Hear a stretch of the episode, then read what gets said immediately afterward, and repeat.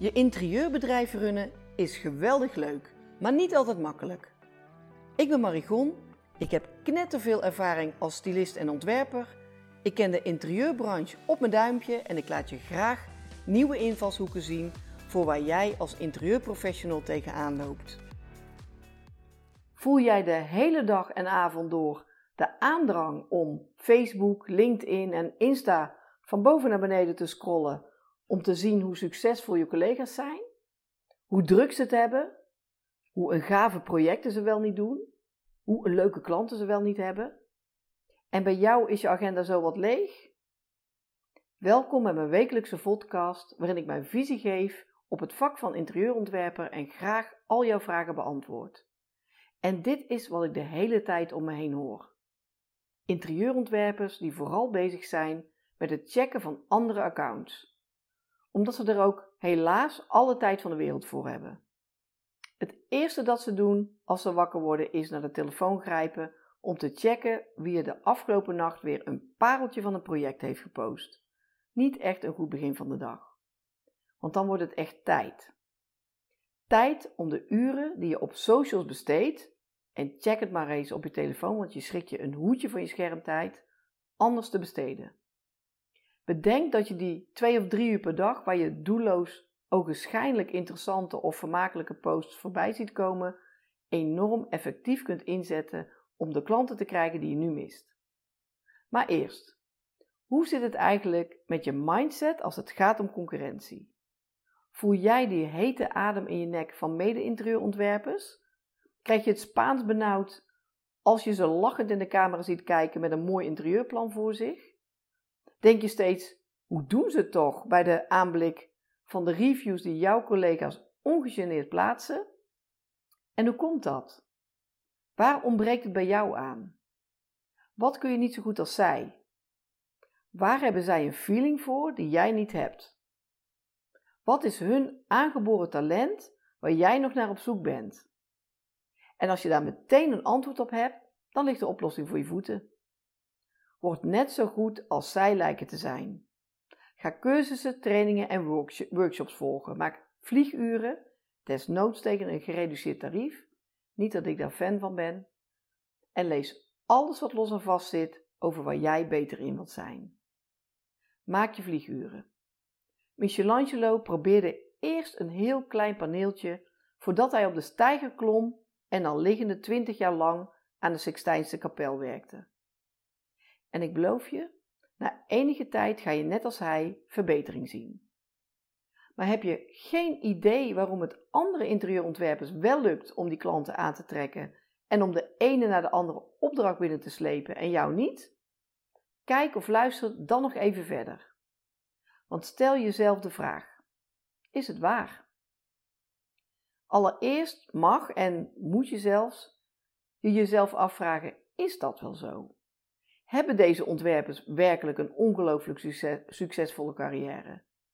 Tikken ze het ene na het andere project binnen? Of laten ze het bewust zo lijken? Om op deze manier een beetje schaarste te creëren. Om het gevoel te geven aan potentiële klanten dat ze wel een beetje op moeten schieten met hun boeken, want anders zitten ze echt vol. Is een strategie, hè? En niet per se een verkeerde. De vraag is wel of het ze dankzij deze strategie lukt om de leukste klanten te triggeren met dit schaarste gevoel. Dat is punt 1. Ze hebben misschien dan wel interieurklussen, maar zijn het ook de beste klussen? Zijn het de leukste klussen? Zijn het de klussen waar ze blij van worden? Ook al lachen ze er breed uit bij. En dat is 2. Verdienen zij er een goed inkomen mee? Het is niet zo ingewikkeld om je agenda helemaal vol te krijgen met opdrachten waar je niet of niet goed voor betaald wordt, maar die wel dezelfde inspanning vragen als een serieuze klus. En dat noem ik dan een vriendendienst. En daar maakte ik eerder ook al een hele leuke podcast over. Een klus zonder geld in het laadje is geen klus. En dat is drie. Je weet het niet. Het grootste inzicht dat je krijgt door deze vragen te stellen, is dat je het niet weet. Het lijkt alleen maar zo. Het kan best waar zijn, maar het kon ook best helemaal niet waar zijn. En daar loop jij je dan druk over te maken. Dat neem jij als voorbeeld, als maatstaf. Ik zou zeggen: stop met scrollen.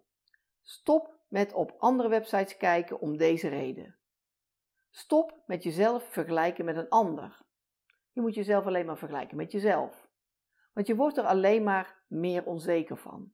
Is niet goed voor je eigenwaarde en chagrijnig word je er ook van en dat is niet goed voor je happiness level. Ga geloven dat concurrentie niet bestaat. Zet die knop in je hoofd om.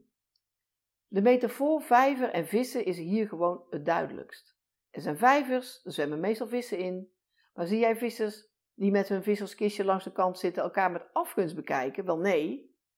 Die hebben de tijd van hun leven. Een dagje zonder de vrouw. En ze nemen er ook nog een pintje bij. En ik weet het. Een visje meer of minder vangen, daar hangt hun leven niet van af. En van jouw leven hangt wel wat meer af. Want het is je inkomen. En dat begrijp ik echt wel. Maar het verrassende is, als je er juist relaxed in gaat zitten, dan komt je business veel vaker sneller in een stroomversnelling. Rantsoeneer je schermtijd, of beter, je Insta, Facebook, LinkedIn tijd. Want het kan best wel slim zijn om zo nu en dan achter je scherm te kruipen om bijvoorbeeld op te zoeken waar en wanneer de volgende vakbus is.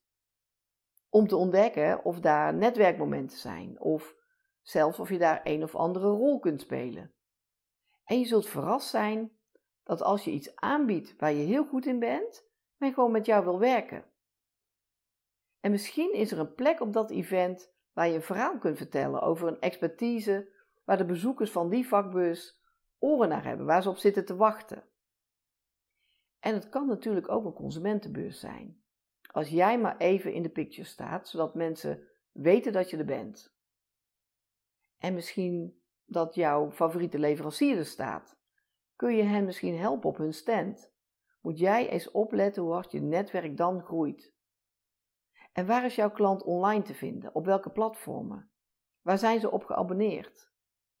Kun je een blog schrijven over waar jij goed in bent? Of een vlog? Want je hebt ondertussen zoveel filmpjes van collega's langs zien komen dat je vast inspiratie hebt gekregen hoe je dat moet doen. En kun je tips delen zodat je aantrekkelijk wordt voor je potentiële klanten. En kijk ook eens in je eigen buurt wat er allemaal gebeurt. Het plaatselijke suffertje kan zomaar een schat aan informatie voor jou hebben. Zie je een kans of een opportunity om jezelf meer zichtbaar te maken? Grijp hem dan met allebei je handen. Fiets een rondje. Waar wordt er gebouwd? Waar wordt er verbouwd?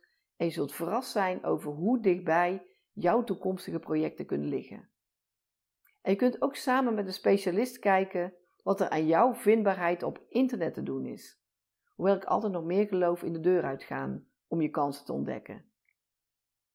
Doe meer met jouw creativiteit. De nummer 1 tip die ik je in deze podcast wil meegeven: verdoe je tijd niet aan het trekken van je collega's, maar pak het stuur weer over en maak je eigen plan. Je bent creatief, je bent origineel en jij kan het ook. En als je toch helemaal bent vastgelopen, kun je overwegen om jezelf te laten coachen. Iemand te vinden met veel ervaring in de interieurbranche, die een tijdje met je oploopt. En die met een frisse blik naar jouw uniekheid kijkt.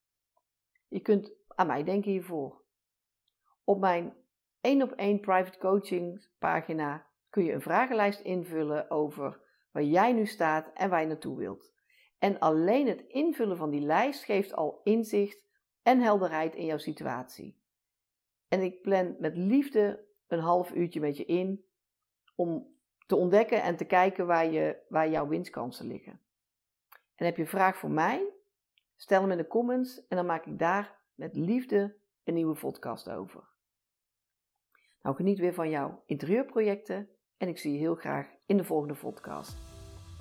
Leuk dat je luisterde of keek naar deze podcast. Loop jij regelmatig tegen dingen aan in je interieurbedrijf waar je geen raad mee weet? Ik kijk graag met je mee en zoom in en uit op jouw bedrijf. Ik zie razendsnel welke winstkansen er voor jouw interieurbedrijf zijn. Ga naar marie-gon.com, start simpel met het invullen van de vragenlijst op een coachingspagina en ik neem heel gauw contact met je op.